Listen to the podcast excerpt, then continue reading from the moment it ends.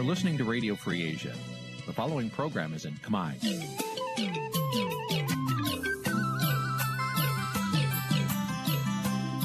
Nǐ chi càm bi tiệp xáy vệt chiu a zì sê ray នេះជាកម្មវិធីផ្សាយរបស់ Vithu Azisari ជាភាសាខ្មែរ វត្តឈូអាស៊ីសេរីសូមស្វាគមន៍លោកអ្នកនាងទាំងអស់ពីរដ្ឋធានី Washington នៃសហរដ្ឋអាមេរិក។ បាទផ្សាយផ្ទាល់ពីរដ្ឋធានី Washington ខ្ញុំបាទជួនចិត្តបុតស៊ូមជម្រាបសួរលោកអ្នកនាងកញ្ញានិងប្រិយមិត្តទាំងអស់ជាទីមេត្រីបាទយើងខ្ញុំសូមជូនកម្មវិធីផ្សាយសម្រាប់រាត្រីថ្ងៃសុក្រ1កើតខែស្រាបឆ្នាំខាលចត្វាស័កពុទ្ធសករាជ2566ដែលត្រូវនៅថ្ងៃទី29ខែកក្កដាគ្រិស្តសករាជ2022បាទជាដំបូងនេះសូមអញ្ជើញលោកអ្នកនាងស្ដាប់ព័ត៌មានប្រចាំថ្ងៃដែលមានមេតិការដូចតទៅ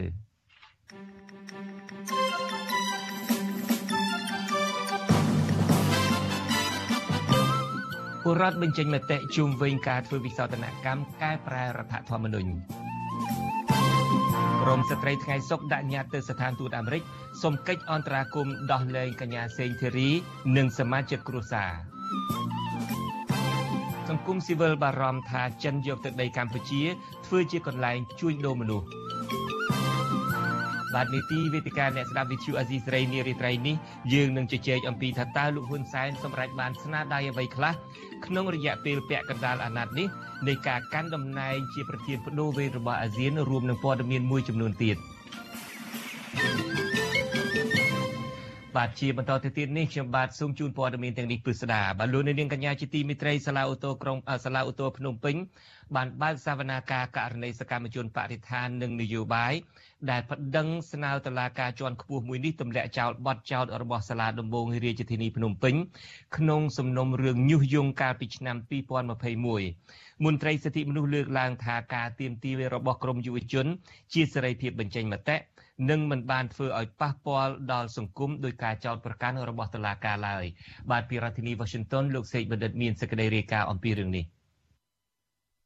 ក្រមយុវជនអតីតខ្មែរថាវរៈដែលធ្វើកិច្ចការងារសង្គមមិនរំពឹងថាស្លាធរអាចផ្ដល់យុទ្ធធម៌ដល់ពួកគាត់បានឡើយក្រោយពីដែលពួកគាត់ចំនួន9នាក់ដែលរងការចោទប្រកាន់ក្នុងសំណុំរឿងបទល្មើសញុះញង់ បានចូលទៅបំភ្លឺនៅសាលាធរភ្នំពេញនៅថ្ងៃទី29ខែកក្កដាតាមសារដីកាតុលាការសវនាការនេះតុលាការបានផ្ទៀងផ្ទាត់ចម្លើយនិងពិនិត្យសំណើរបស់ក្រមយុវជន ដើម្បីធ្វើការពិចារណាថានឹងទម្លាក់បទចោទប្រកាន់ឬបន្តការចោទប្រកាន់លើក្រមយុវជនតទៅទៀតតុលាការនឹងប្រកាសសាលដីកានៅថ្ងៃទី22ខែសីហាខាងមុខប្រធានសមាគមនិស្សិតបញ្ញវន្តខ្មែរលោកកើតសរាយឲ្យដឹងថា ប្រធានក្រុមប្រឹក្សាជំនុំជម្រះនៃសាលាធរលើកឡើងក្នុងសវនាការថា ការសួរដេញដោលនាពេលនេះដើម្បីឲ្យតុលាការអាចចង់ដឹងពីចម្លើយរបស់សកម្មជននាពេលនេះថា នៅតែដូចនឹងចម្លើយក្នុងរបាយការណ៍របស់សាលាដំបងរាជធានីភ្នំពេញឬក៏យ៉ាងណា ហើយតុលាការក៏ចង់ដឹងដែរថាតើក្រមសកម្មជន នៅតែរសារចម្លើយដដែលឬក៏ដូរចម្លើយលោកឲ្យដឹងទៀតថារូបលោកនិងយុវជនផ្សេងទៀត នៅតែរសារចម្លើយដដែលគឺរក្សាចំហនៅអ្វីដែលពួកគេបានធ្វើមិនមែនជាការប្រព្រឹត្តបទល្មើសឡើយ។ចម្លើយដដែលហ្នឹងគឺយើងនៅតែថាពួកយើងស្អាតស្អំពួកយើងមិនបានប្រព្រឹត្តបទល្មើសណាតែវាធ្វើឲ្យវឹកវរដល់សន្តិសុខសង្គមពីព្រោះវាអត់មានជាសនកម្មណាមួយច្បាស់លាស់យុវជនម្នាក់ទៀតដែលចូលទៅបំភ្លឺនៅតុលាការដែរនោះគឺកញ្ញាអេងម៉ាឡៃហៅសូមេតាយល់ថា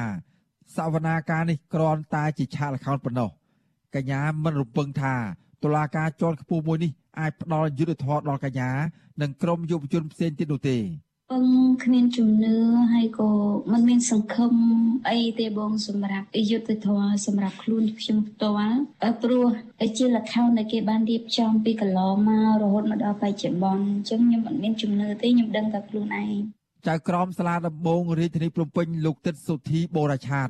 កាលពីខែតុលាឆ្នាំ2021 បានផ្ដន់ទាទោសកម្មជនសរុប14នាក់ឲ្យជាប់ពន្ធនាគារពី20ខែទៅ2ឆ្នាំពីបទញុះញង់បង្កឲ្យមានភាពវឹកវរដល់សន្តិសុខសង្គមក្នុងនោះមានយុវជនក្រមខ្មែរថាវរៈយុវជនសមាគមនិស្សិតបញ្ញវន្តខ្មែរនិងសកម្មជនគណបកសង្គ្រោះជាតិផងដែរប៉ុន្តែចៅក្រមរូបនេះបានតម្រូវឲ្យសកម្មជនទាំងនេះជាប់ពន្ធនាគារ14ខែទៅ15ខែហើយទោសនៅសល់ត្រូវព្យួរ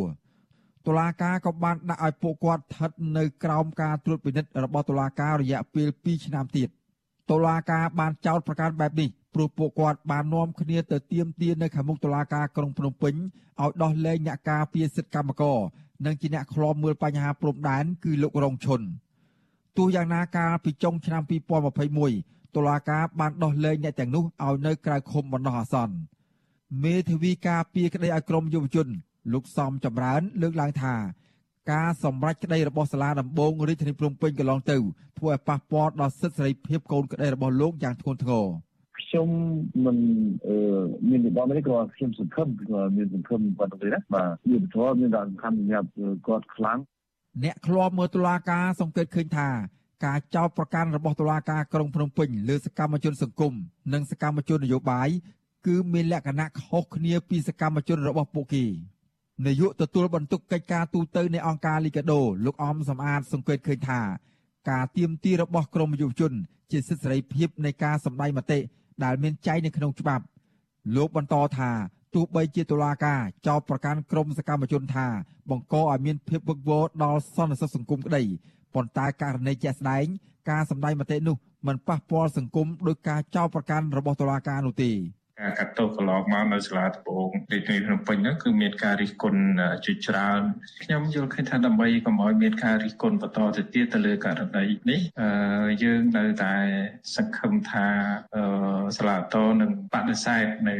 សារក្រមរបស់សាលាដំបងហើយនឹងទម្លាក់បទចោទប្រកាន់របស់ទៅលើយុវជនទាំងអស់ហ្នឹងឲ្យមានសេរីភាពពេញលេញពេញក្រមយុវជនរំពឹងថាប្រសិនបើសាលាធរសម្រេចក្តីដោយយុត្តិធម៌តុលាការជាន់ខ្ពស់មួយនេះ និងទម្លាក់ចោលការចោទប្រកាន់លើពួកគេដើម្បីឲ្យពួកគេមានសេរីភាពពេញលេញនៅក្នុងការជួយកិច្ចការសង្គមបន្តទៀតខ្ញុំបាទសេកបណ្ឌិតវិទ្យុអាស៊ីសេរីពីរដ្ឋធានីវ៉ាស៊ីនតោន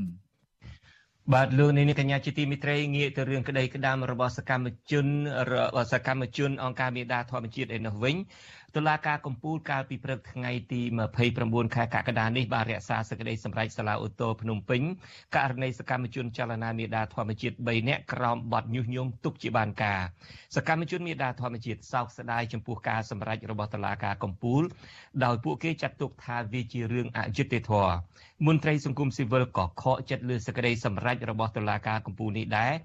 ហើយថាការលះបង់របស់យុវជនចលនាមេដាធម្មជាតិគួរត្រូវបានគេលើកទឹកចិត្តដើម្បីឲ្យយុវជនដទៃទៀតយកគំរូតាម បាទលោកយ៉ងច័ន្ទរាមានសេចក្តីរាយការណ៍អំពីរឿងនេះពីរដ្ឋធានី Washington ប្រធានក្រុមប្រឹក្សាជំនុំជម្រះតុលាការកំពូលចៅក្រមនិលនុនបានប្រកាសរក្សាសេចក្តីសម្រេចរបស់សាឡាវថោភ្នំពេញពីបទចោទញុះញង់ទៅលើសកម្មជនចលនាមេដាធម្មជាតិ3នាក់ គឺកញ្ញាភួនកែវរស្មីកញ្ញាឡុងគុន្ធា និងលោកថនរដ្ឋាទុកជាបានការដដែល សមាជិកចលនាមេដាធម្មជាតិកញ្ញាភួនកែវរស្មីសោកស្ដាយនិងចាត់ទុកសេចក្តីសម្រេចនេះថាជារឿងអយុត្តិធម៌កញ្ញាបន្តថាការសម្រេចរបស់តុលាការកំពូលនេះគឺធ្វើឡើងនៅក្នុងគោលបំណងបំបាក់ស្មារតីយុវជនចលនាមេដាធម្មជាតិនិងជាការគំរាមដល់យុវជនសកម្មដទៃទៀតឲ្យមានភាពភ័យខ្លាច មិនហ៊ានចូលរួមតវ៉ាបញ្ហាបរិស្ថានក្នុងប្រទេសកម្ពុជាទោះជាយ៉ាងណាកញ្ញានៅតែបង្ហាញគោលជំហររឹងមាំដើម្បីបន្តការងារការពារបរិស្ថាន និងទាមទារឲ្យមានការប្រើប្រាស់ធនធានធម្មជាតិប្រកបដោយតម្លាភាពនិងសមធម៌ដដែល។ ពួកយើងមិនបានទៅប្រព្រឹត្តបទល្មើសមិនបានទៅធ្វើខុសឲ្យខ្ញុំមិនជឿថាគេមកផ្ដល់ពានរង្វាន់ឲ្យជនអ ுக ្រិតជនឬមួយក៏អ្នកដែលទៅប្រព្រឹត្តបទល្មើសអ្នកដែលទៅបំផ្លិចបំផ្លាញប្រទេសជាតិហ្នឹងគេមកផ្ដល់ពានរង្វាន់អ្នកការពារឈានមុខគេមកផ្ដល់ពានរង្វាន់អ្នកការពារសិទ្ធិមនុស្សនៅក្នុងប្រទេសឲ្យទេអញ្ចឹងអាហ្នឹងឯងជាអីដែលខ្ញុំនិយាយថាយើងមិនទាន់បានទទួលយុត្តិធម៌ពីខាងស្ថាប័នតុលាការទេប៉ុន្តែសម្រាប់បងប្អូនជាពលរដ្ឋសម្រាប់អង្គការជាតិអន្តរជាតិអ្នកតាមដានទស្សនាយើងគឺយើងមិនដែលបានប្រព្រឹត្តខុសក្នុងខ្សែភ្នែកគេហើយយើងនៅតែជាជនស្អាតស្អំសម្រាប់ពួកគេជានិច្ច ជុំវិញរឿងនេះមេធាវីការពារក្តីឲ្យសកម្មជនចលនាមេដាធម្មជាតិទាំង3នាក់គឺលោកសំចម្រើនថ្លែងថាការសម្រេចសេចក្តីរបស់តុលាការកំពូលនេះគឺជាសេចក្តីសម្រេចចុងក្រោយបិទផ្លូវតវ៉ាហើយលោកយល់ថាការសម្រេចនេះគឺជារឿងមិនសមហេតុផលនោះទេមេធាវីសំចម្រើននៅតែអះអាងថា កូនក្តីរបស់លោកគ្រាន់តែធ្វើការងារតាក់ទងនឹងបរិស្ថាន និងទាមទារឲ្យមានដំណោះស្រាយពីរដ្ឋាភិបាលតែប៉ុណ្ណោះហើយសកម្មភាពរបស់ពួកគេមិនដែលញុះញង់បង្កឲ្យប៉ះពាល់ដល់សន្តិសុខសង្គមដោយតុលាការបានចោទប្រកាន់នោះឡើយ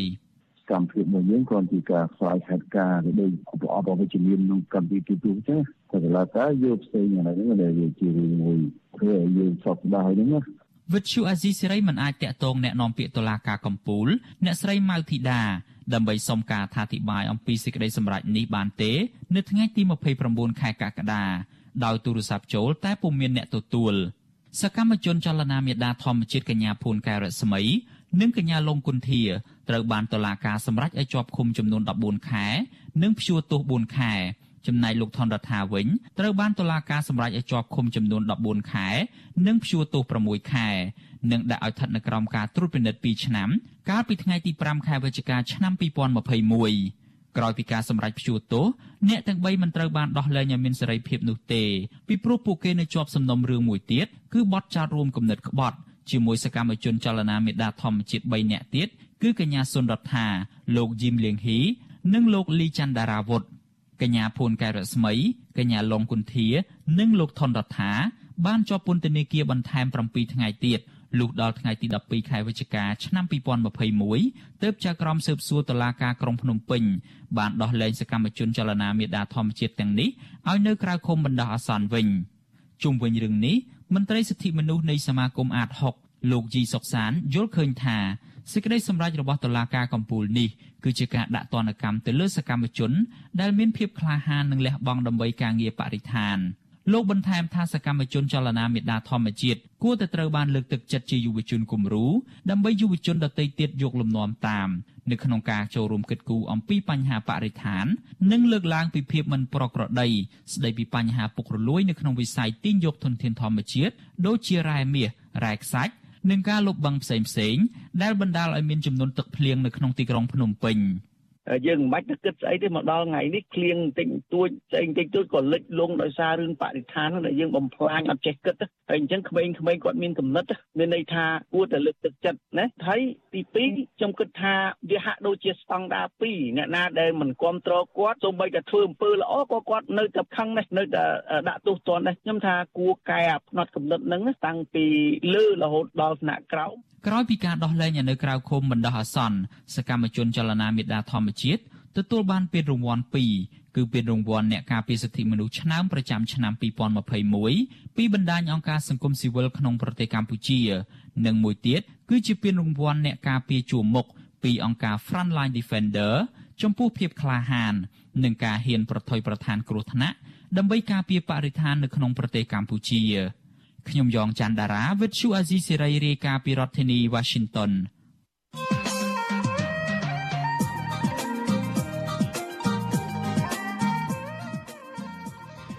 បាទលោកនាងកញ្ញាជាទីមេត្រីលោកហ៊ុនសែនបានដើរតួនាទីជាប្រធានបដូវវេនរបស់សមាគមអាស៊ានបានជាងពាក់កណ្ដាលអាណត្តិហើយគិតត្រឹមចុងខែកក្កដានេះ មុនឡើងកាន់តំណែងអ្នកឃ្លាំមើលស្ថានភាពនយោបាយក្នុងតំបន់មួយចំនួនផ្ដល់ការវិភាគថាចិននឹងនៅតែមានឥទ្ធិពលលើលោកហ៊ុនសែនដោយលើកមុនមុនដែរនីតិវេទិកាអ្នកស្ដាប់វិទ្យុអេស៊ីសេរីនារាត្រីថ្ងៃសុក្រនេះនឹងពិនិត្យមើលថាតើរយៈពេលជាងកន្លះឆ្នាំកន្លងមកនេះលោកហ៊ុនសែនសម្រេចបានលទ្ធផលអ្វីខ្លះសម្រាប់សមាគមអាស៊ាន ហើយថាតើចិនមានឥទ្ធិពលលើការកាច់ចង្កូតសមាគមអាស៊ានរបស់លោកហ៊ុនសែនក្នុងការដឹកនាំអាស៊ានក្នុងអាណត្តិនេះដែរឬយ៉ាងណាបាទយើងនឹងមានវាគ្មិនពីររូបគឺលោកកឹមសុខនិងលោកបណ្ឌិតសេងសេរីចូលមករួមពិភាក្សាក្នុងបញ្ហានេះបាទសូមអញ្ជើញលោកនាងរងចាំតាមដានកុំបីខានឡើយនីតិវេទិកាអ្នកស្ដាប់វិទ្យុអាស៊ីសេរីនឹងចាប់ផ្ដើមនាពេលបន្តិចទៀតនេះ thank you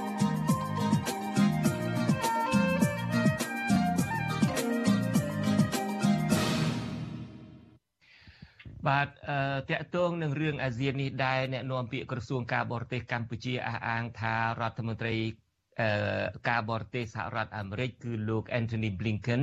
និងលោក Wang Yi ដែលជាទីប្រឹក្សារដ្ឋនិងជារដ្ឋមន្ត្រីការបរទេសចិននឹងចូលរួមកិច្ចប្រជុំរដ្ឋមន្ត្រីការបរទេសអាស៊ាន លើកទី55នៅរាជធានីភ្នំពេញ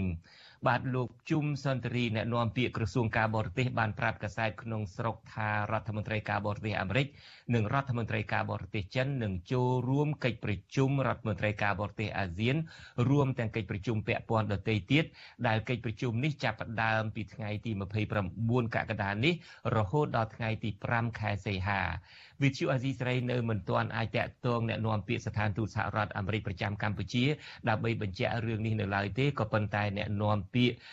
ក្រសួងអ្នកនាំពាក្យស្ថានទូតអាមេរិកប្រចាំកម្ពុជានេះបានប្រាប់កាសែតក្នុងស្រុកឲ្យដឹងកាលពីថ្ងៃទី25កក្កដាថាក្រសួងការបរទេសអាមេរិកនឹងជូនដំណឹងអំពីតំណាងរបស់សហរដ្ឋអាមេរិកដែលនឹងត្រូវចូលរួមក្នុងកិច្ចប្រជុំនេះនៅពេលដែលកិច្ចប្រជុំនេះខិតចូលជិតមកដល់ អ្នកនាំពាក្យក្រសួងការបរទេសប្រកាសអំពីរដ្ឋមន្ត្រីការបរទេសប្រទេសមហាអំណាចអាមេរិកនិងចិននឹងចូលរួមកិច្ចប្រជុំរដ្ឋមន្ត្រីការបរទេសអាស៊ាន ដែលកម្ពុជាធ្វើជាម្ចាស់ផ្ទះស្របពេលដែលស្ថានទូតរុស្ស៊ីក៏ប្រកាសឲ្យដឹងដែរថារដ្ឋមន្ត្រីការបរទេសរុស្ស៊ីក៏នឹងចូលរួមក្នុងកិច្ចប្រជុំនេះដែរបើទោះបីជារុស្ស៊ីកំពុងតែបើកការវាយប្រហារឈ្លានពានប្រទេសអ៊ុយក្រែនក្តីបាទមកទល់នឹងម៉ោងផ្សាយនេះ ក្រសួងការបរទេសកម្ពុជានៅមិនទាន់បានបញ្ជាក់ពីលទ្ធផលនៃកិច្ចប្រជុំនៅថ្ងៃទី1នេះនៅឡើយទេ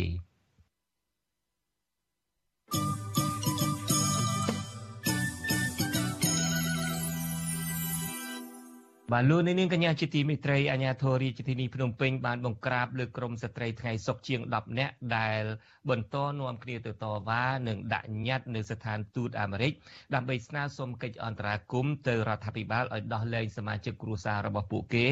ដែលកំពុងជាប់ឃុំក្នុងពន្ធនាគារមន្ត្រីសិទ្ធិមនុស្សជឿថាការ តស៊ូដាក់ញត្តិរបស់ក្រមស្ត្រីទាំងនោះនឹងធ្វើឲ្យស្ថានទូតប្រទេសប្រជាធិបតេយ្យកាន់តែជឿឆ្អាលចំពោះភាពអយុត្តិធម៌របស់ពួកគាត់បាទអ្នកស្រីម៉ៅសុធីនីមានសេចក្តីរាយការណ៍អំពីរឿងនេះពីរដ្ឋធានី Washington ក្រុមស្ត្រីថ្ងៃសុកដែលជាប្រពន្ធនិងកូនកូន របស់សកម្មជនគណបកសង្គ្រោះជាតិជាច្រើនអ្នកបាននាំគ្នាតវ៉ានិងដាក់ញត្តិនៅស្ថានទូតអាមេរិកប្រចាំទីក្រុងភ្នំពេញនៅថ្ងៃទី29ខែកក្កដាដើម្បីស្នើសុំអន្តរាគមន៍ដោះលែងអ្នកជំនាញផ្នែកច្បាប់និងកិច្ចការអន្តរជាតិកញ្ញាសេងធីរីព្រមទាំងសមាជិកគ្រួសាររបស់ពួកគាត់ឲ្យមានសេរីភាពឡើងវិញ។ តំណាងស្ត្រីថ្ងៃសុកដែលជាប្រពន្ធមន្ត្រីបពប្រឆាំងកំពុងជាប់ពន្ធនាគារគឺលោកស្រីព្រំចន្ទថាថ្លែងប្រាប់វត្ថុស៊ីស្រីក្រោយដាក់ញត្តិថាមន្ត្រីស្ថានទូតពីរនាក់បានចេញមកទទួលញត្តិដោយសន្យាថានឹងពិនិត្យមើលញត្តិនិងដាក់ជូនទៅថ្នាក់លើបន្តទៀត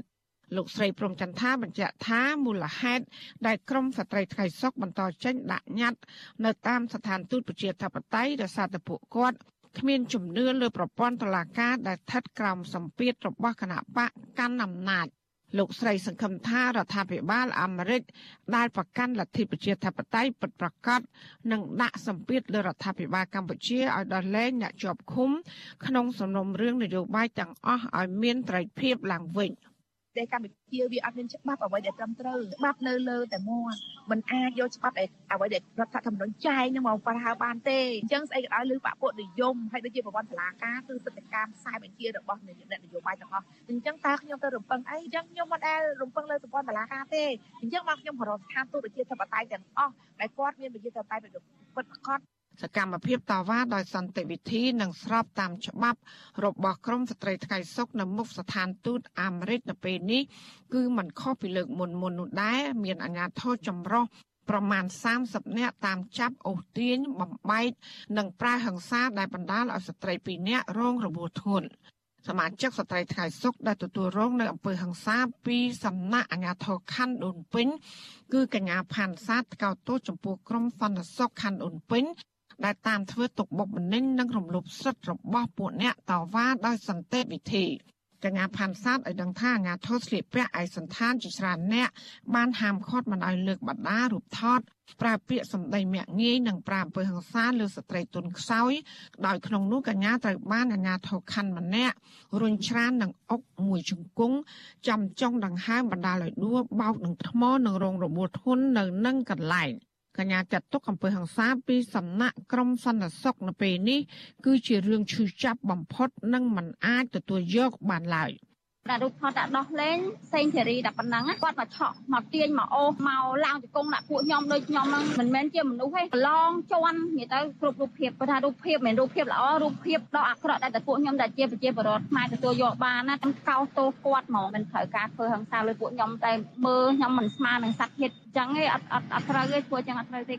ឆ្លើយតបរឿងនេះអ្នកនាំពាក្យថ្នាក់ការដ្ឋាននគរបាលរាជធានីភ្នំពេញ លោកសានសុកសីហាប្រពន្ធស៊ីស្រីដោយខ្លីថាលោកមិនអាចបញ្ជាក់ជំវិញករណីហិង្សាលើអ្នកតវ៉ានៅមុខស្ថានទូតអាមេរិកបាននោះទេដោយលើកហេតុផល ថាស្ថាប័នរបស់លោកពុំទទួលបន្ទុកគ្រប់គ្រងរឿងនោះឡើយហើយលោកក៏បានរុញឲ្យទៅសួរអាជ្ញាធរមូលដ្ឋានវិញថាលេង100ចំពុកយើងសួរមកខាងក្នុងការរាជធានីភ្នំពេញទាំងអស់ទេយើងមិនសួរទុកលើអាការងារទាំងអស់ណាវាមានការជាការបែងចែកទទួលត្រូវនឹងវាផ្សេងផ្សេងគ្នាណាខ្ញុំសូមសួរបញ្ជាក់នឹងឲ្យបានច្បាស់ទៅ វិទ្យុអសីស្រីមិនអាចតតងអធិការនគរបាលខណ្ឌដូនពេញ លោកទៀងច័ន្ទសានិងប្រធានអង្គភិបអ្នកនាំពាក្យរដ្ឋាភិបាលលោកផៃសិផាន ដើម្បីបញ្ជាក់ជុំវិញរឿងនេះបានទេនៅថ្ងៃទី29ខែកក្កដា ទោះយ៉ាងណាក្រមស្ត្រីថ្ងៃសុកអំពាវនាវអាជ្ញាធរបញ្ឈប់ការប្រើប្រាស់អំពើហិង្សាជាបន្ទាន់លើអ្នកប្រើប្រាស់សិទ្ធិសេរីភាពបញ្ចេញមតិនិងតវ៉ាដែលធានាដោយច្បាប់ ពួកគេក៏បានស្នើដល់រដ្ឋាភិបាលអប់រំក្រមសន្តិសុខទាំងនោះឲ្យអនុវត្តទូនីតិរបស់ខ្លួនដោយផ្អែកលើក្រមសីលធម៌ហើយនឹងច្បាប់ឲ្យបានត្រឹមត្រូវឡើងវិញ។ រយៈពេលជាង2ឆ្នាំមកនេះក្រមស្ត្រីថ្ងៃសុកបានចេញដាក់ញត្តិស្វែងរកកិច្ចអន្តរាគមន៍ពីស្ថានទូតប្រជាធិបតេយ្យធំធំរួមមាន សហរដ្ឋអាមេរិកសហភាពអឺរ៉ុបជប៉ុនអូស្ត្រាលីជាដើមដោយសារតែពួកគេគ្មានជំនឿលើស្ថាប័នតុលាការ ពួកគាត់ថាសកម្មភាពទាំងនោះបានបង្ហាញឲ្យសហគមន៍ជាតិនិងអន្តរជាតិឃើញកាន់តែច្បាស់អំពីទង្វើអាក្រក់របស់រដ្ឋាភិបាល ដែលពូកែខាងរំលោភសិទ្ធិមនុស្សនិងបំផ្លាញលទ្ធិប្រជាធិបតេយ្យពួកគាត់បដិញ្ញាថានឹងបន្តធ្វើសកម្មភាព ជួយរកយុត្តិធម៌ដល់ក្រុមគ្រួសារដែលកំពុងជាប់ឃុំដោយមិនរាថយឡើយ។ ជុំវិញរឿងនេះប្រធានសមាគមការពារសិទ្ធិមនុស្សអាត់ហុកលោកនីសុខាមានប្រសាសន៍ថាសកម្មភាពតវ៉ានឹងដាក់ញត្តិដោយអហិង្សារបស់ក្រមស្ត្រីថ្ងៃសុកគឺដើម្បីស្វែងរកយុត្តិធម៌ដល់សមាជិកគ្រួសាររបស់ពួកគេ ហើយនេះគឺជាការប្រើប្រាស់សិទ្ធិស្របច្បាប់ ដែលអាជ្ញាធរមិនគួរតាមរំខាននិងធ្វើទុកបុកម្នេញពួកគាត់នោះឡើយ លោកនីសុខាមើលឃើញថាញត្តិរបស់ក្រមស្ត្រីថ្ងៃសុកធ្វើឡើងចំពេលអាមេរិកធ្វើច្បាប់ដាក់ទណ្ឌកម្មខណៈដែលរដ្ឋាភិបាលត្រៀមរៀបចំកិច្ចប្រជុំកំពូលអាស៊ាន និងរៀបចំការបោះឆ្នោតនៅឆ្នាំ2023ខាងមុខហើយលោកថាសំណើរបស់ពួកគេនេះនឹងមានប្រសិទ្ធភាពពីព្រោះថាអាមេរិកនិងសម្ព័ន្ធមិត្តទាំងអស់មិនឈរអោបដៃមើលអំពើអយុត្តិធម៌របស់ពួកគាត់នោះឡើយ។ ទោះជាយ៉ាងណាលោកស្នើឲ្យអ្នកនយោបាយមកពីគ្រប់ភាគីចូលតុចរចាឲ្យបានឆាប់ដោយឈលលើស្មារតីនៃកិច្ចព្រមព្រៀងសន្តិភាពទីក្រុងប៉ារីសដើម្បីបញ្ចប់វិបត្តិនយោបាយនិងបញ្ជានៃការដាក់ទណ្ឌកម្មពីសហគមន៍អន្តរជាតិ យើងតែងតែទទូចឲ្យរដ្ឋាភិបាលដែលកំពុងតែដឹកនាំបច្ចុប្បន្ននេះងាកទៅរកធ្វើការចរចាក្នុងការផ្សះផ្សាខាងផ្លូវនយោបាយទាន់ពេលវេលាយើងសមល្មមដែលអាចចរចាគ្នាបានក្នុងការកម្រិតមួយដើម្បីឈានទៅរៀបចំការបោះឆ្នោតដើម្បីបង្ហាញអំពីជំហរនៅក្នុងការរៀបចំការបោះឆ្នោតមួយដែលគេអាចទទួលយកបានខ្ញុំគិតថានេះជាការប្រសើរសម្រាប់ប្រទេសកម្ពុជាយើងទៅថ្ងៃអនាគតបាទ មកដល់ពេលនេះមានសកម្មជនគណបកប្រឆាំងជាង60នាក់ទៀតកំពុងជាប់ឃុំក្នុងពន្ធនាគារដោយសារតែការអនុវត្តសិទ្ធិនយោបាយរបស់ពួកគាត់ពួកគាត់ភ័យច្រើនត្រូវបានអាជ្ញាធរចាប់ខ្លួនជាបន្តបន្ទាប់កាលពីដើមឆ្នាំ2020តឡាការបានចាប់ប្រកាន់ពួកគេដូចដូចគ្នា ពីបទរួមកំណត់ក្បត់ញុះញង់ឲ្យយោធិនមិនស្ដាប់បង្គាប់និងញុះញង់ឲ្យប្រព្រឹត្តបទអូក្រិដ្ឋជាអាត ថ្មីថ្មីនេះតឡាកាក៏បានផ្តន្ទាទោសពួកគេជាបន្តបន្ទាប់ឲ្យជាប់ពន្ធនាគារចន្លោះពី5ឆ្នាំទៅ7ឆ្នាំប៉ុន្តែសកម្មជននយោបាយខ្លះតម្រូវឲ្យអនុវត្តទោស3ឆ្នាំ8ខែហើយទោសនៅសល់ត្រូវព្យួរក្នុងចំណោមអ្នកទាំងនោះមួយចំនួនគឺតឡាការពុំទាន់បានយកទៅជំនុំជម្រះនោះឡើយចាននាងខ្ញុំម៉ៃសុធានីវិទ្យុអាស៊ីសេរីប្រធានាធិបតី Washington បាទលោកនាងកញ្ញាជាទីមេត្រីប្រជាពលរដ្ឋមួយចំនួនមិនពេញចិត្តចំពោះរដ្ឋសភា ដែលបានអនុម័តទាំងស្រុងលើសេចក្តីព្រាងច្បាប់ធ្វើវិសោធនកម្មកម្មរដ្ឋធម្មនុញ្ញដែលពួកគេចាត់ទុកថាជាការកាត់បន្ថយអំណាចរដ្ឋសភា ពួកគេយល់ថាការកែប្រែរដ្ឋធម្មនុញ្ញដែលជាច្បាប់កម្ពុជានេះ គួរតែមានការដេញដោលមតិចម្រុះចាប់តាំងពីថ្នាក់មូលដ្ឋានរហូតដល់ថ្នាក់ជាតិទើបអាចជៀសផុតពីការរិះគន់បានបាទលោកទីនសាការីយ៉ាមានសេចក្តីរាយការណ៍អំពីរឿងនេះពីរដ្ឋធានី Washington ប្រជាពលរដ្ឋលើកឡើងថាការកែរដ្ឋធម្មនុញ្ញលើកទី10ដែលតំណាងរាស្ត្ររបស់គណៈបកកណ្ដាលអំណាចគ្រប់រូបចាំតែលើកដៃអនុម័តដោយពុំមានសម្លេងជំទាស់ឬជជែកសួរដាញ់ដល់រោគចំណុចខ្វះខាតនោះគឺជារឿងដ៏អាម៉ាស់បំផុតនិងដូចជាទិញមងដែលចាំតែប្រថាប់ត្រា តាមការចង់បានរបស់លោកនាយរដ្ឋមន្ត្រីហ៊ុនសែនបរដ្ឋនៅខេត្តកណ្ដាលនឹងជាសកម្មជនកិច្ចព្រមព្រៀងសន្តិភាពនៅក្រុងប៉ារីសលោកសុនជ្រនប្រាប់វិទ្យុអាស៊ីសេរីនៅរសៀលថ្ងៃទី29កក្កដាថាលោកសោកស្ដាយចំពោះកែប្រែរដ្ឋធម្មនុញ្ញស្ថិតនៅក្នុងស្ថានភាពដែលប្រទេសកំពុងតែដឹកនាំដោយរដ្ឋាភិបាលឯកបកនិងមិនទាន់មានស្ថិរភាពនយោបាយនៅឡើយហើយក៏មិនទាន់មានសម្លេងប្រឆាំងឲ្យបានពេញទំហឹងដែរលោកបន្តថាវិសោធនកម្មរដ្ឋធម្មនុញ្ញគួរតែទទួលបានការធ្វើប្រជាមតិ និងមានការសួរដេញដោលពីសម្លេងប្រឆាំងដើម្បីជជែកសួររកផលប៉ះពាល់ជាអវិជ្ជមានណាមួយដែលនាំឲ្យខូចប្រយោជន៍ជាតិមិនមែនមានតែបាក់មួយចាំតែយល់ស្របក្នុងសភានោះទេ បើទោះបីជានៅក្នុងរដ្ឋធម្មនុញ្ញអត់មានមេត្រាចែងអំពីការធ្វើប្រជាមតិក៏ប៉ុន្តែនៅក្នុងកិច្ចព្រមព្រៀងសន្តិភាពទីក្រុងប៉ារីស23ដុល្លារ91ដែលនៅក្នុងឧបសម្ព័ន្ធទី5គេសរសេរឲ្យថាការកែរដ្ឋធម្មនុញ្ញត្រូវមានការចូលរួមពីពលរដ្ឋតាមរយៈការធ្វើប្រជាមតិអញ្ចឹងបើថាមិនសួរដេញដោលនៅក្នុងសភាជាតិឬក៏មានការសួរដេញដោលនៅក្នុងសភាជាតិក៏ដោយចោះក៏ត្រូវតែឲ្យពលរដ្ឋចូលរួមនៅក្នុងការបញ្ចេញមតិនៅក្នុងការដេញដោលដើម្បីឲ្យពលរដ្ឋចូលរួមនៅក្នុងការកំណត់ជួបអវាសនានយោបាយនៅក្នុងរដ្ឋធម្មនុញ្ញដែររីឯពលរដ្ឋនៅខេត្តពោធិ៍សាត់ឯនោះវិញកញ្ញាលីរស្មីក៏ហាក់មិនពេញចិត្តនឹងរដ្ឋសភាកាលពីថ្ងៃទី28កក្កដាដែលបានកែប្រែរដ្ឋធម្មនុញ្ញនេះដែរកញ្ញាបានចាត់ទុកថាជាការកាត់បន្ថយអធិបតេយ្យរបស់សភាកញ្ញាយល់ថានៅមិនទាន់មានភាពត្រឹមត្រូវនៃរដ្ឋធម្មនុញ្ញដែលបានប្រសូតចេញពីកិច្ចព្រមព្រៀងសន្តិភាពទីក្រុងប៉ារីសនោះឡើយ។ តែបច្ចុប្បន្ននេះគឺជារដ្ឋាភិបាលគឺរំលោភគ្រប់បែបយ៉ាងមកលើប្រជាពលរដ្ឋខ្មែរហាក់បីដូចជាប្រជាពលរដ្ឋខ្មែរហ្នឹងជាអឺទីងម៉ូមួយគាត់មើងងាយប្រជាពលរដ្ឋខ្មែរដូចជាទីងម៉ូឬក៏ដូចជាសត្វមួយដែលមិនដឹងខ្យល់អីហើយគាត់មើងងាយមិនមែនមើងងាយតែខ្ញុំម្នាក់ទេមើងងាយទាំងប្រជាពលរដ្ឋអឺ17លានអ្នកចូល18លានអ្នកគាត់ព្រមទាំងមើងងាយគូជាដូចជាតាមគាត់ផងដែរប្រហាក់ប្រហែលគ្នាដែរបរិវត្តនៅខេត្តកណ្ដាលម្នាក់ទៀតលោកអានសារូ ក៏យល់ឃើញដែរថាពលរដ្ឋគួរតែបានដឹងឮខ្លះនិងគួរតែត្រង់មតិពីពលរដ្ឋពេលដែលសភាចង្កែប្រែរដ្ឋធម្មនុញ្ញពីព្រោះថាពលរដ្ឋក៏អាចមើលឃើញពីភាពខ្វះចន្លោះនៃការតាក់តែងច្បាប់ផ្សេងផ្សេងរបស់ប្រទេសជាតិដែរលោកនៅតែបារម្ភថាការកែប្រែច្បាប់ជាតិលើកនេះអាចនឹងឆ្លោះបញ្ចាំងឲ្យឃើញអំពីអំពើពុករលួយនិងការផ្ទេរអំណាចពីឪពុកទៅកូនកាន់តែច្បាស់ព្រោះរដ្ឋធម្មនុញ្ញមួយនេះហាក់ដូចជាទួសត្រាយផ្លូវសម្រាប់ឲ្យលោកហ៊ុនម៉ាណែត ឡើងធ្វើជានាយករដ្ឋមន្ត្រីបានដោយងាយ។ ពិសោធនកម្មច្បាប់ហ្នឹងខ្ញុំមើលទៅឃើញថាដូចវាអត់មានផលប្រយោជន៍ដល់ពលរដ្ឋហើយណាមួយក៏គ្មានដូចថាចំហឲ្យសិទ្ធិសេរីភាពទៅដល់សភាដែលធ្វើការសម្រេចឬក៏ធ្វើការពិភាក្សាតវ៉ាអញ្ចឹងគឺថាលក្ខណៈត្រង់ហ្នឹងហាក់បីដូចជាបាត់អំណាចសភាបាត់ទៅហើយហើយសភាហ្នឹងតំណាងឲ្យពលរដ្ឋអញ្ចឹងកាលណាគាត់បំបត្តិអំណាចរបស់សភាហ្នឹងក៏ហាក់បីដូចជាបំបត្តិអំណាចរបស់ពលរដ្ឋដែរតាអានេះវាដូចគ្នាអញ្ចឹងព្រោះសភាហ្នឹងតំណាងឲ្យពលរដ្ឋចំណែកឯបរដ្ឋនៅខេត្តសៀមរាបវិញលោកស្រីចិនសុធានីក៏បានរិះគន់សភាដែរថាការកែច្បាប់នេះហាក់ដូចជាចាំតែបន្តតាមថ្នាក់ដឹកនាំរបស់ខ្លួនពីព្រោះមិនបានឃើញការជជែកដេញដោលគ្នា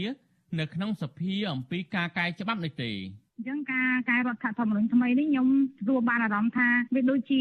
វាដូចជាបាត់សម្លេងពលរដ្ឋនៅក្នុងការជ្រើសរើសមេដឹកនាំនយោបាយបានន័យថាវាជាអាការការដែលយើងកាន់ប្រព័ន្ធលទ្ធិប្រជាធិបតេយ្យហ្នឹងវាដូចជាធ្លាក់ចុះទៅវិញបានន័យថាវាបាត់សម្លេងវាបាត់សម្លេងវាថាវាផ្ដោតទៅលើតែគណៈបកនយោបាយអត់មានសម្លេងក្នុងសភាច្រើននៅក្នុងការជជែកវែកញែកសភាឯកបកកាលពីព្រឹកថ្ងៃទី28កក្កដាបានបើកកិច្ចប្រជុំពេញអង្គដើម្បីពិភាក្សានិងអនុម័តលើរបៀបវរៈមួយចំនួន។ ក្នុងនោះមានសេចក្តីព្រាងច្បាប់ការរដ្ឋធម្មនុញ្ញចំនួន6មាត្រានិងច្បាប់ធម្មនុញ្ញបន្ថែមចំនួន2មាត្រាដែលការកែប្រែមាត្រាទាំងនេះរួមមានចែងជាសំខាន់អំពីការតែងតាំងតួនាទីជានាយករដ្ឋមន្ត្រីដែលស្នើឡើងពីគណៈបកដ៏ឆ្នះឆ្នោតការកាត់បន្ថយអំណាចសមាជិកសភានិងការបង្កើនសិទ្ធិអំណាចរបស់គណៈបកដែលមានអាសនៈច្រើននៅក្នុងសភាទោះបីជាការធ្វើវិសោធនកម្មលើកទី10នេះស្ថិតនៅក្រោមការរិះគន់ជាបន្តបន្ទាប់ក្តី ប៉ុន្តែតំណាងរាស្ត្ររបស់គណៈបកប្រជាជនកម្ពុជាទាំងអស់នាំគ្នាលើកដៃអនុម័តដោយពុំមានមតិជំទាស់អ្វីនោះឡើយក្រុមអង្គការសង្គមស៊ីវិលជាង100ស្ថាប័នរិះគន់ថារ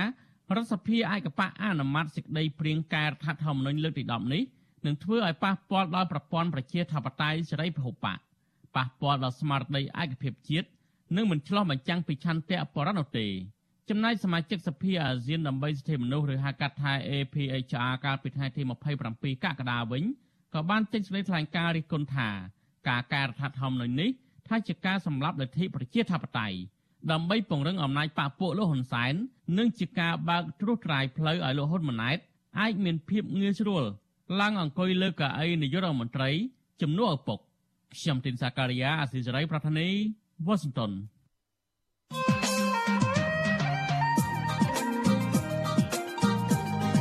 បាទលោកនាងកញ្ញាជាទីមេត្រីលោកហ៊ុនសែនដើរតួនាទីជាប្រធានបដូវវេនរបស់សមាគមអាស៊ាន បានជាងពាក់កណ្ដាលអាណត្តិហើយគិតត្រឹមចុងខែកក្កដានេះមុនឡើងកាន់តំណែងអ្នកឃ្លាំមើលស្ថានភាពនយោបាយក្នុងតំបន់មួយចំនួនផ្ដល់ការវិភាគថាចិននឹងនៅតែមានឥទ្ធិពលលើលោកហ៊ុនសែនដោយលើកមុនមុនដែរ នីតិវិទ្យាអ្នកស្ដាប់វិទ្យុអាស៊ីសេរីនារីត្រីថ្ងៃសុកនេះនឹងពិភាក្សាគ្នាថាតើរយៈពេលជាងកន្លះឆ្នាំមកនេះលោកហ៊ុនសែនសម្រេចបានលទ្ធផលអ្វីខ្លះសម្រាប់សមាគមអាស៊ាន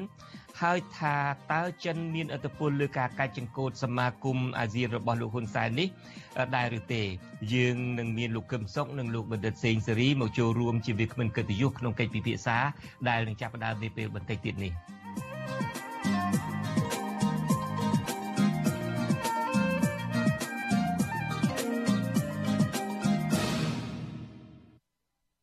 បាទងាកទៅស្ថានភាពជួញដូរមនុស្សនៅកម្ពុជាវិញអង្គការសង្គមស៊ីវិលព្រួយបារម្ភមួយកម្រិតថែមទៀតពីស្ថានភាពប្រទេសកម្ពុជា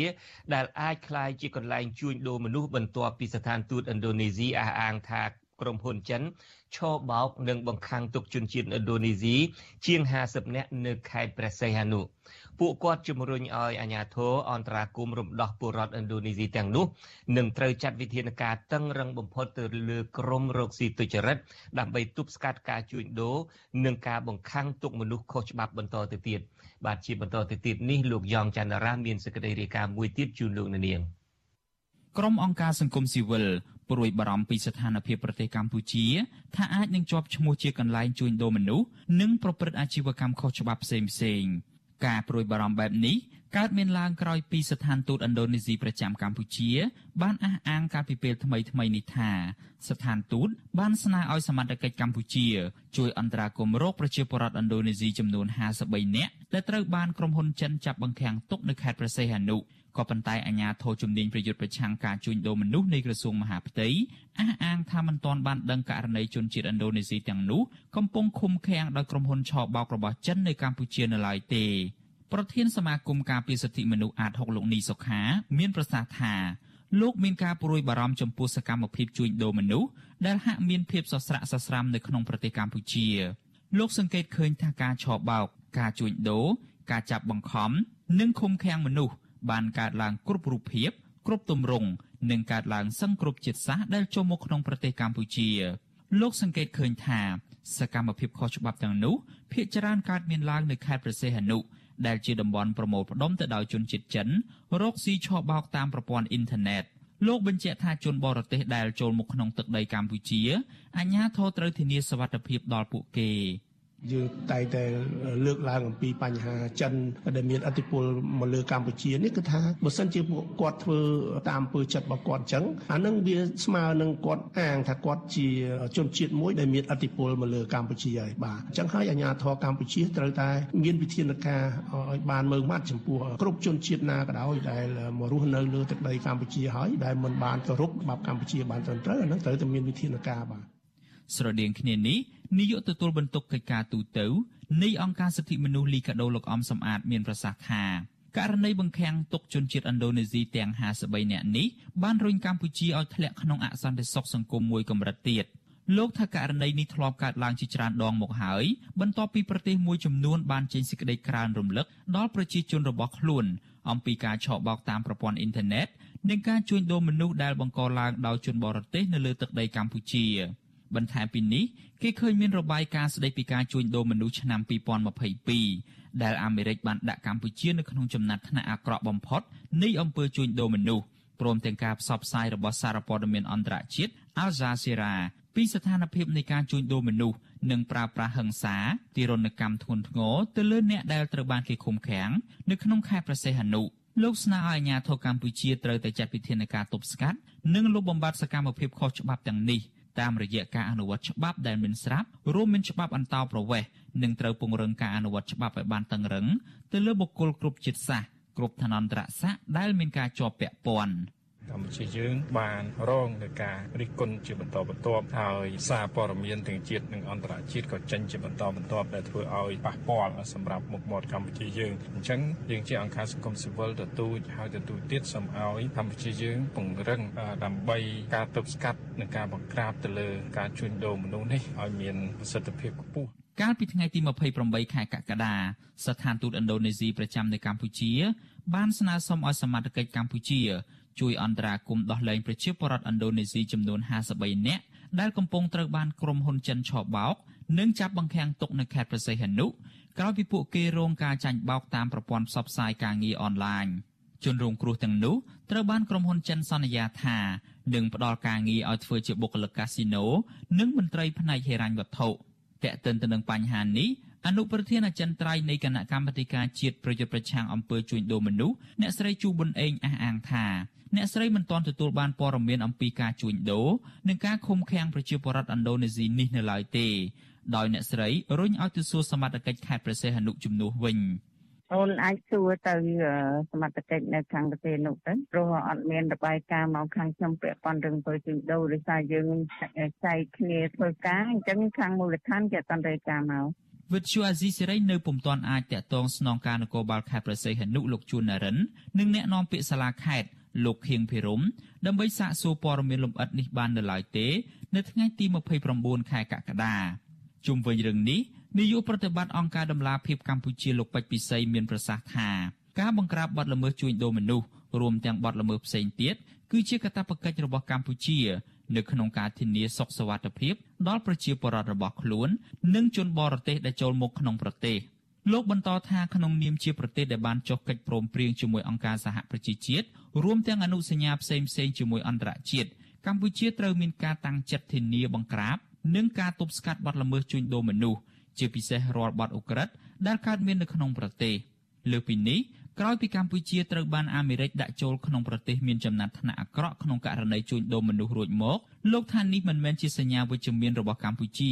នៅក្នុងការធានាថាក្នុងប្រទេសមានសវត្ថិភាពសម្រាប់បរទេសចូលមករស់នៅនិងវិនិយោគនោះឡើយ។ កាលណាមានបញ្ហាដូចជាបងប្អូនពលករជនជាតិឥណ្ឌូនេស៊ីមានបញ្ហានេះកម្ពុជាជាពិសេសអាជ្ញាធរមានសមត្ថកិច្ចគួរតែចាត់វិធានការឲ្យមានប្រសិទ្ធភាពនៅក្នុងការបង្ក្រាបបទល្មើសទាំងនោះហើយធ្វើការស៊ើបអង្កេតស្រាវជ្រាវរកអ្នកពាក់ព័ន្ធដើម្បីធ្វើការបន្តទៀតទោសទៅតាមច្បាប់ដែលមានជាធរមានហ្នឹងអញ្ចឹងបញ្ហានេះអាចប៉ះពាល់ច្រើនដល់កិត្តិនាមកម្ពុជាផងហើយជាពិសេសគឺការជំរុញបរិយាកាសវិនិយោគស្អាតស្អំនៅកម្ពុជាហ្នឹង របាយការណ៍ស្តីពីការជួញដូរមនុស្សឆ្នាំ2022របស់ក្រសួងការបរទេសអាមេរិកចេញផ្សាយកាលពីថ្ងៃទី19ខែកក្កដាបានទម្លាក់ចំណាត់ថ្នាក់កម្ពុជាមកកម្រិតទី3អាក្រក់បំផុតដែលពុំធ្លាប់មានតាំងពីឆ្នាំ2015មករបាយការណ៍លើកឡើងថារដ្ឋាភិបាលកម្ពុជាពុំបានគោរពតាមឲ្យបានពេញលេញនៅស្តង់ដារអបបរមា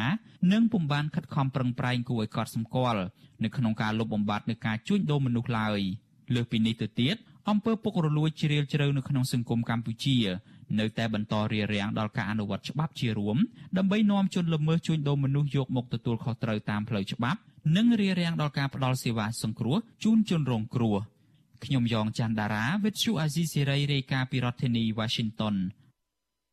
បាទជាបន្តទៅទៀតនេះខ្ញុំនៅមានសេចក្តីរាយការណ៍មួយទៀតមុននឹងចាប់ផ្ដើមនីតិវេទិកាអ្នកស្ដាប់វិទ្យុអាស៊ីសេរីសេចក្តីរាយការណ៍នោះតាក់ទងទៅនឹងក្រសួងការងារប្រមានប្រើប្រព័ន្ធតុលាការចាត់ការលើថ្នាក់ដឹកនាំសហជីព Nagavel ឡើងវិញប្រសិនបើពួកគេមិនអាចបញ្ឈប់ការធ្វើកោតកម្មរបស់បុគ្គលិក ក្រមប្រកោតកអះអាងថាបើទោះបីជាក្រសួងប្រមានបែបនេះក្តី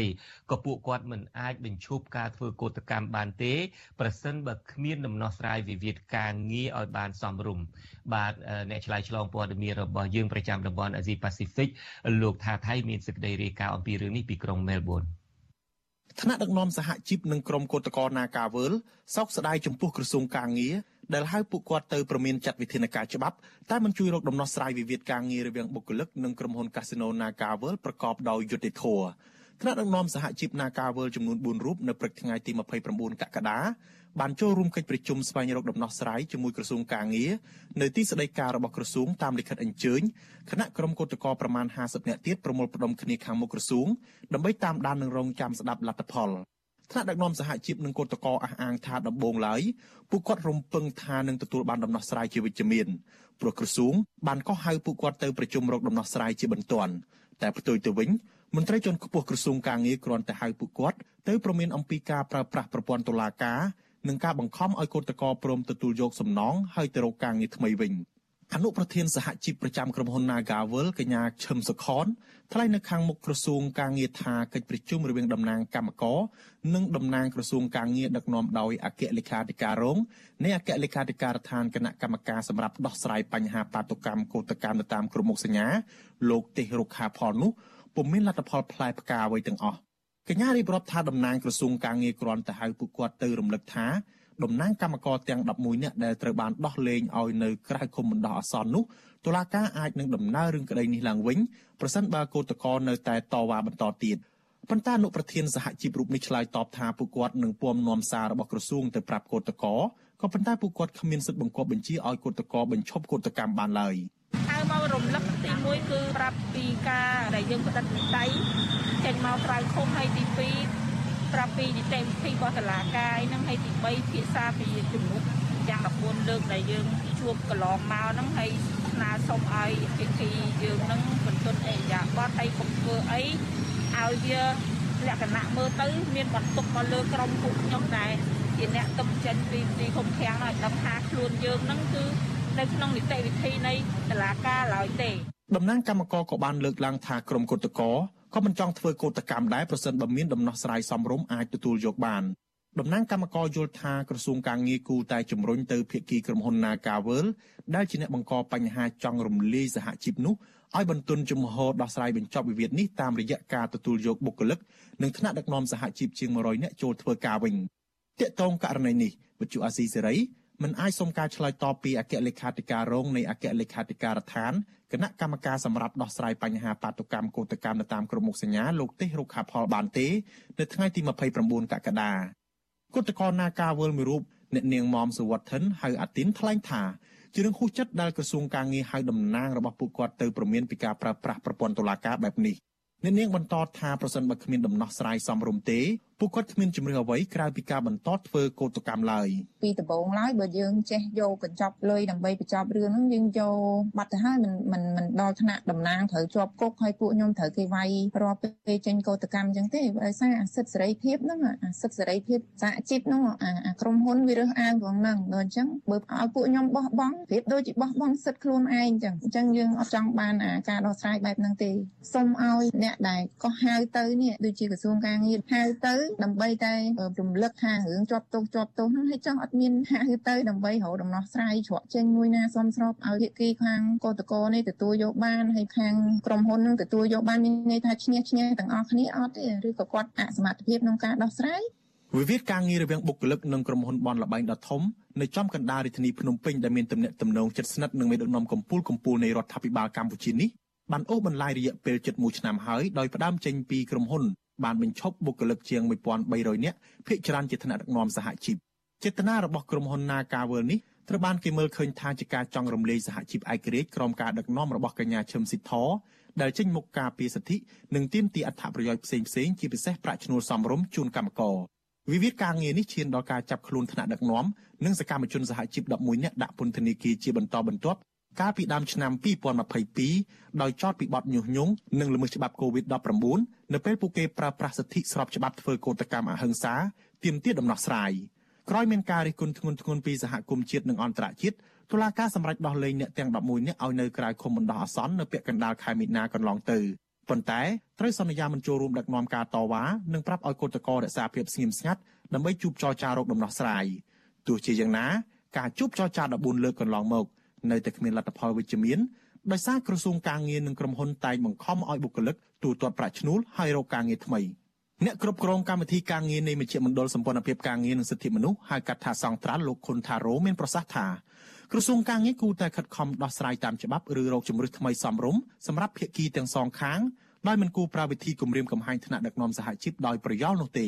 ដែលវិវាទនេះនៅតែមានការអូបន្លាយមកដល់ពេលបច្ចុប្បន្ននេះគឺឆន្ទៈនៅក្នុងការដោះស្រាយហើយនឹងជំរើសដើម្បីឲ្យមានការទទួលយកភាគីពាក់ព័ន្ធហើយជំរើសហ្នឹងគឺគួរតែជំរើសដែលខាងក្រសួងហ្នឹងគួរតែមានការដើរតួនាទីសម្របសម្រួលអាហ្នឹងជាជាងតែប្រើប្រាស់នៅវិធានការនៃការគម្រាមវិធានការនៅក្នុងការយកជំរើសតឡាការពីព្រោះអីវិវាទការងារយើងដឹងហើយថាការដោះស្រាយវិវាទការងារនេះគឺកាត់ចេញមកពីការសម្បទានគ្នាហើយក្របខ័ណ្ឌផ្លូវច្បាប់ យើងត្រូវដោះស្រាយនៅក្នុងកម្រិតសម្បទានផ្នែកក្របខ័ណ្ឌផ្លូវច្បាប់កុំឲ្យប៉ះពាល់ប្រយោជន៍សិទ្ធិភាគីណាមួយជាដាច់ខាតត្រូវតែទទួលយកទាំងសងខាងជាង7ខែមកនេះការតស៊ូធ្វើកោតកម្មអហិង្សារបស់កោតក្រនាការវលនៅជាប់របងរដ្ឋសភានិងក្បែរភូមិគ្រឹះរបស់លោកនាយករដ្ឋមន្ត្រីហ៊ុនសែននោះមិនត្រឹមតែគ្មានដំណោះស្រាយទេថែមទាំងទទួលរងការបង្ក្រាបដោយហិង្សាជាបន្តបន្ទាប់រហូតបណ្ដាលឲ្យកូនតកមួយចំនួនជាស្ត្រីរងរបួសធ្ងន់ធ្ងរនិងស្ត្រីកូនតកម្នាក់រលូតកូនក្នុងផ្ទៃទាំងភៀកគីក្រុមហ៊ុន ទាំងលោកហ៊ុនសែននិងតំណាងរាស្ត្ររបស់គណៈបកកណ្ដាលអំណាចបានធ្វើមិនដឹងមិនលឺចំពោះសម្រេចរបស់ក្រុមកោតតកនិងថែមទាំងបង្កើនការលៀបពួរការគម្រាមកំហែងនិងការបញ្ជាឲ្យកងកម្លាំងបង្ក្រាបកោតតកកាន់តែខ្លាំងថែមទៀតទោះជាយ៉ាងណាក្រុមកោតក្រនៅតែមិនបោះបង់ចោលការតស៊ូរបស់ពួកគាត់ឡើយប្រសិនបើគ្មានដំណោះស្រាយសមរម្យខ្ញុំថាថៃពីទីក្រុងមែលប៊ន បាទលោកនាងកញ្ញាទើបតែបានស្ដាប់ព័ត៌មានប្រចាំថ្ងៃដែលជម្រាបជូនដល់ខ្ញុំបាទជួនច័ន្ទបុតពីរដ្ឋធានី Washington បាទសូមអញ្ជើញលោកនាងចាំតាមដានស្ដាប់និងចូលរួមក្នុងនីតិវិទ្យាអ្នកស្ដាប់ Vithu Azizi Serai ដែលនឹងចាប់ផ្ដើមនាពេលបន្តិចទៀតនេះ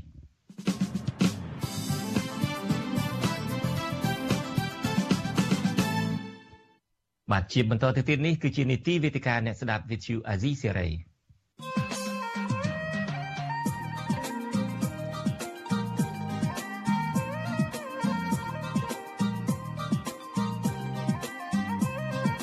វេទិកាអ្នកស្ដាប់វិទ្យុអាស៊ីសេរី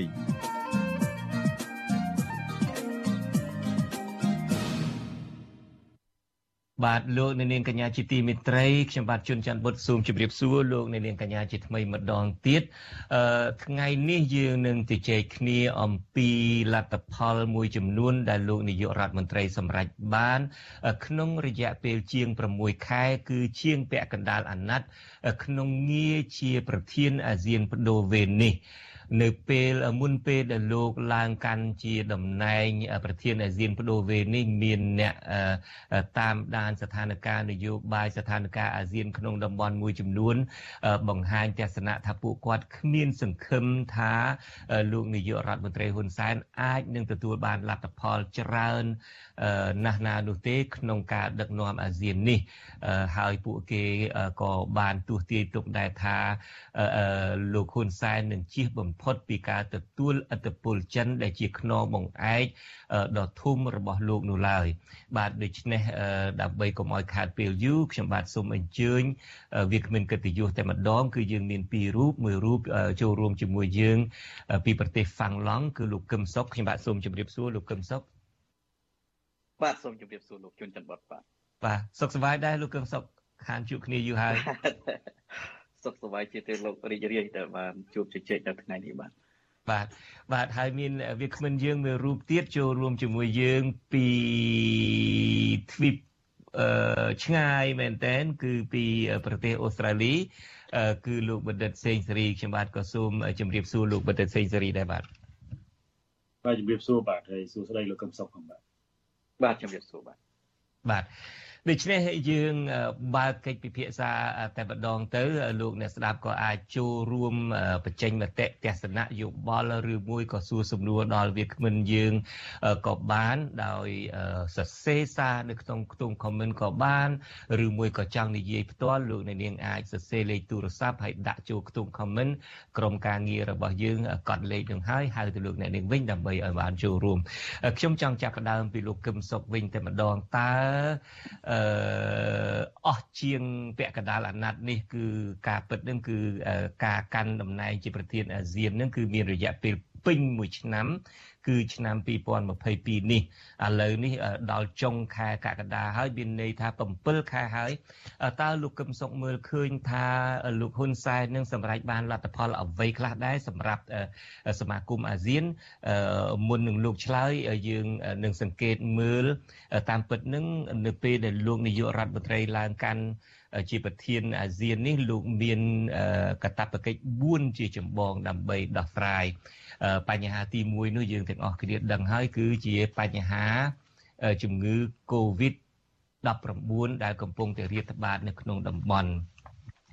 ហើយបញ្ហាទី2នោះគឺជាបញ្ហាដ៏ក្តៅគគុកគឺវិបត្តិនៅឯប្រទេសភូមា អឺដោយលោកនាងបានដឹងហើយនៅពេលដែលឡើងកាន់តំណែងភ្លាមលោកនាយករដ្ឋមន្ត្រីហ៊ុនសែននឹងទៅទស្សនកិច្ចនៅប្រទេសភូមាភ្លាមដោយជាសកម្មភាពមួយមិនបានទទួលការស្វាគមន៍ទាំងពីសហគមន៍អន្តរជាតិទាំងពីក្នុងប្រទេសអាស៊ានមួយចំនួនផងប្រទេសម៉ាឡេស៊ីជាដើមនឹងបានអឺរិះគន់យ៉ាងខ្លាំងចំពោះដំណើរទស្សនកិច្ចរបស់លោកហ៊ុនសែនទៅកាន់ប្រទេសភូមានៅពេលដែលលោកទើបនឹងឡើងជាប្រធានបដូវវេននេះ ហើយបញ្ហាទី3ប្រកបណាស់គឺជាបញ្ហាចំនួននៅឯសមុទ្រចិនខាងត្បូងដែលមានប្រទេសអាស៊ានមួយចំនួននឹងដណ្ដើមថាជាកម្មសិទ្ធិរបស់ខ្លួនហើយបញ្ហាទី4ប្រកបនេះគឺបញ្ហាថាតើអាស៊ាននឹងអាចទប់ទល់អធិបុលចិន ឬមួយក៏អាចធ្វើយ៉ាងណាឲ្យ ងាកទៅចាប់ដៃសហរដ្ឋអាមេរិកដើម្បីឲ្យមានតុល្យភាពរវាងប្រទេសមហាអំណាចទាំងពីរនេះឬយ៉ាងណាដូច្នេះបើសិនជាពិនិត្យទៅលើកត្តាទាំង4បញ្ហាទាំង4ដែលលោកនាយករដ្ឋមន្ត្រីហ៊ុនសែនក្នុងនាមជាប្រធានបដូវវេនអាស៊ាននេះដែលត្រូវសម្រេចបាននោះតើតើចំណុចទាំង4នឹងមានចំណុចណាដែលលោកហ៊ុនសែនអាចលេចធ្លោធ្វើបាន ហើយចំណុចណាដែលលោកនៅមិនទាន់ធ្វើបានឬមួយក៏ទទួលបរាជ័យទាំងស្រុងហើយនោះមកដល់ពេលនេះបាទលោកកឹមសុខសូមជើញបាទទីមួយបញ្ហាកូវីដយើងក៏សម្គាល់ថាវាជាបញ្ហាសកលបាទដូច្នេះហើយគ្រប់គ្នាសុទ្ធតែប្រឹងប្រែងដូចគ្នាទេប្រឹងប្រែងដោយសហការគ្នាមួយមាត់គ្នាដើម្បីដោះស្រាយវិបត្តិហ្នឹងហើយអ្នកដែល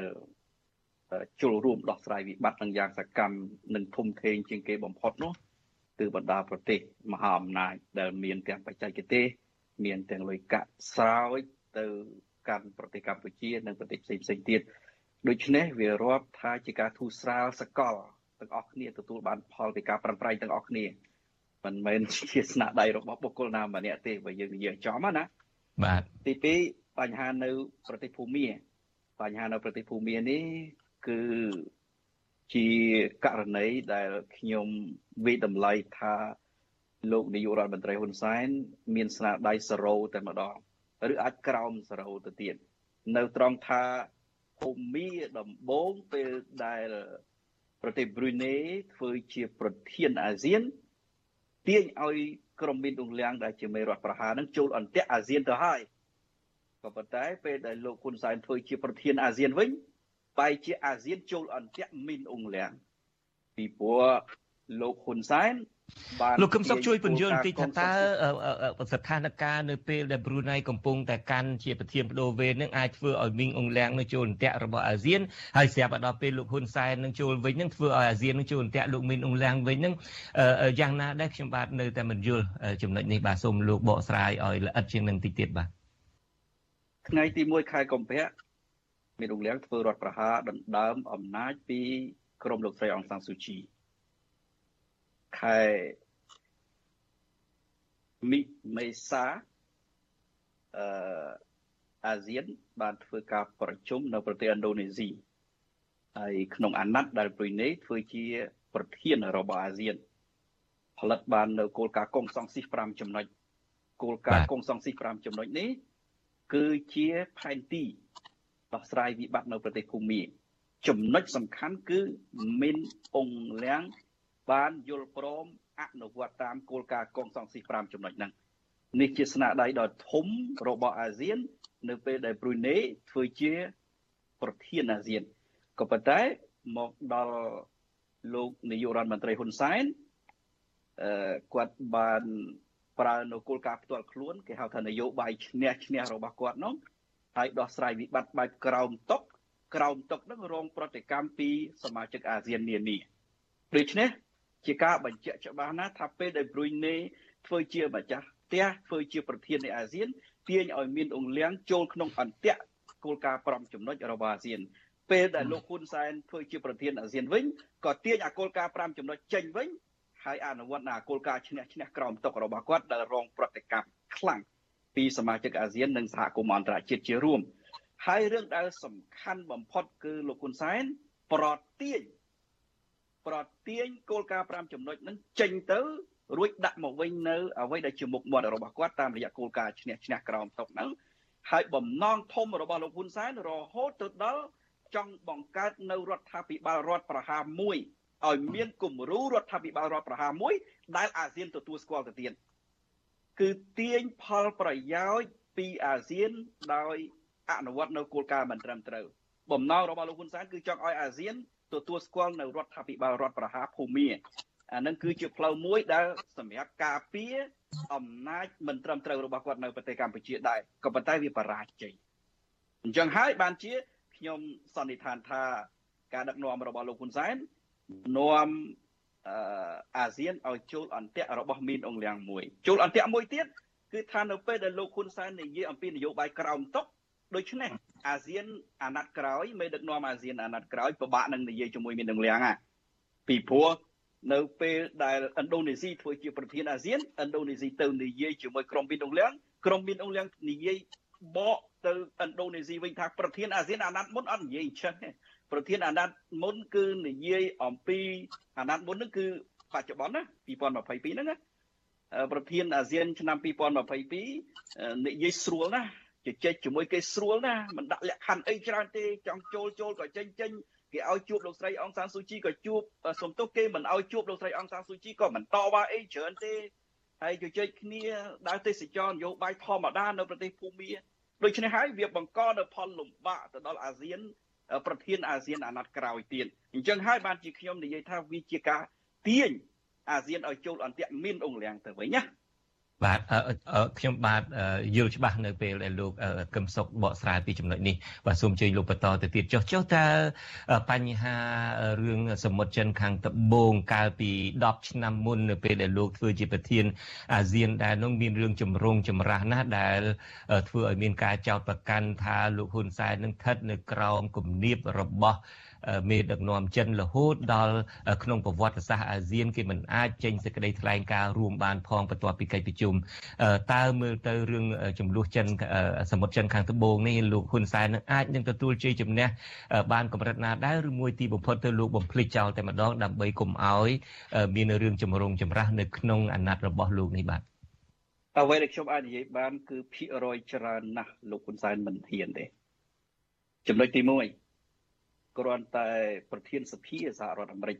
ព្រមធ្វើដំណើរទស្សនកិច្ចទៅកោះតៃវ៉ាន់ចិនបានដំឡើងកម្ដៅរួចទៅហើយដូច្នេះសំណួរនៅត្រង់ថាហ៊ុនសែនហ៊ានធ្វើអ្វីអ្វីឲ្យប៉ះនឹងចិត្តរបស់ចិនណាចំណុចទី2លោកហ៊ុនសែនខ្លួនឯងហាក់ដូចជាបង្ហាញការស្ដាយក្រោយខ្លាំងណាស់នៅពេលដែលរដ្ឋាភិបាលរបស់គាត់បោះឆ្នោត co-sponsor កោលទុករុស្ស៊ី បាទក្នុងការឈ្លានពានប្រទេសអ៊ុយក្រែននោះត្រង់ណាដែលថាគាត់ស្ដាយក្រោយ ពីព្រោះពួកគាត់និយាយដដែលដដែលគាត់ថាអានឹងជាកលៈទេសៈហើយគាត់សូមអធិស្ស្រ័យផងប្រើពាក្យរហូតដល់អធិស្ស្រ័យមានន័យច្បាស់ណាស់ថាលោកហ៊ុនសែនមិនហ៊ានបោះឆ្នោត co-sponsor កោលទុកប្រទេសរុស្ស៊ីទេ ប្រសិនបើលោកហ៊ុនសែនដឹងច្បាស់ថាក្នុងស្ថានភាពបច្ចុប្បន្ន រុស្ស៊ីមិនដួលរលំហើយរុស្ស៊ីនិងចិនកាន់តែជិតស្និទ្ធនឹងគ្នាខ្លាំងដូច្នេះចំណុចហ្នឹងតើអាចបញ្ជាក់បានទេថាលោកហ៊ុនសែននឹងហ៊ានធ្វើអ្វីអ្វីឲ្យទឹកចិត្តចិននិងរុស្ស៊ីពិសេសគឺចិននឹងតែម្ដងម្ល៉េះហើយការដែលអឺនិយាយអំពី code of conduct គឺក្រមប្រតិបត្តិនៅសម្បត្តិចិនខាងត្បូង DOC declaration on the conduct គឺសេចក្តីប្រកាសអំពីការប្រតិបត្តិនៅសមុទ្រចិនខាងត្បូងជាដើមខ្ញុំគិតថាទំនងជាលោកហ៊ុនសែនមិនហ៊ានធ្វើឲ្យចេញទេ ពីព្រោះចំណុចសំខាន់មួយទៀតបើលោកហ៊ុនសែនហ៊ានធ្វើឲ្យចេញនៅរឿងហ្នឹងគឺថាទាត់ធ្វើឲ្យច្បាស់ចេញគឺចេញឲ្យច្បាស់ចេញឲ្យច្បាស់គឺស្របទៅនឹងគោលការណ៍ចង់បានរបស់ប្រទេសអាស៊ាននានាដូចជាវៀតណាម ម៉ាឡេស៊ីប្រុយណេឥណ្ឌូនេស៊ីហ្វីលីពីនជាដើមក៏ប៉ុន្តែសួរថា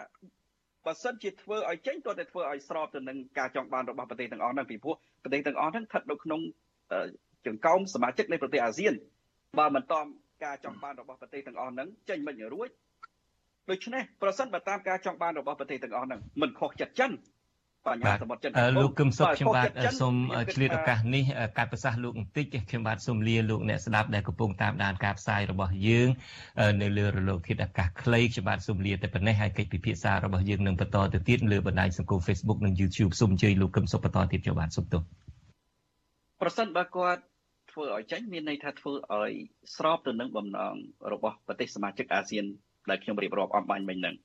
ហើយបើស្របទៅនឹងបំណងរបស់ប្រទេសសមាជិកអាស៊ានដែលយើងបានលើកឡើងអំបញ្ញមិញហ្នឹងមិនខុស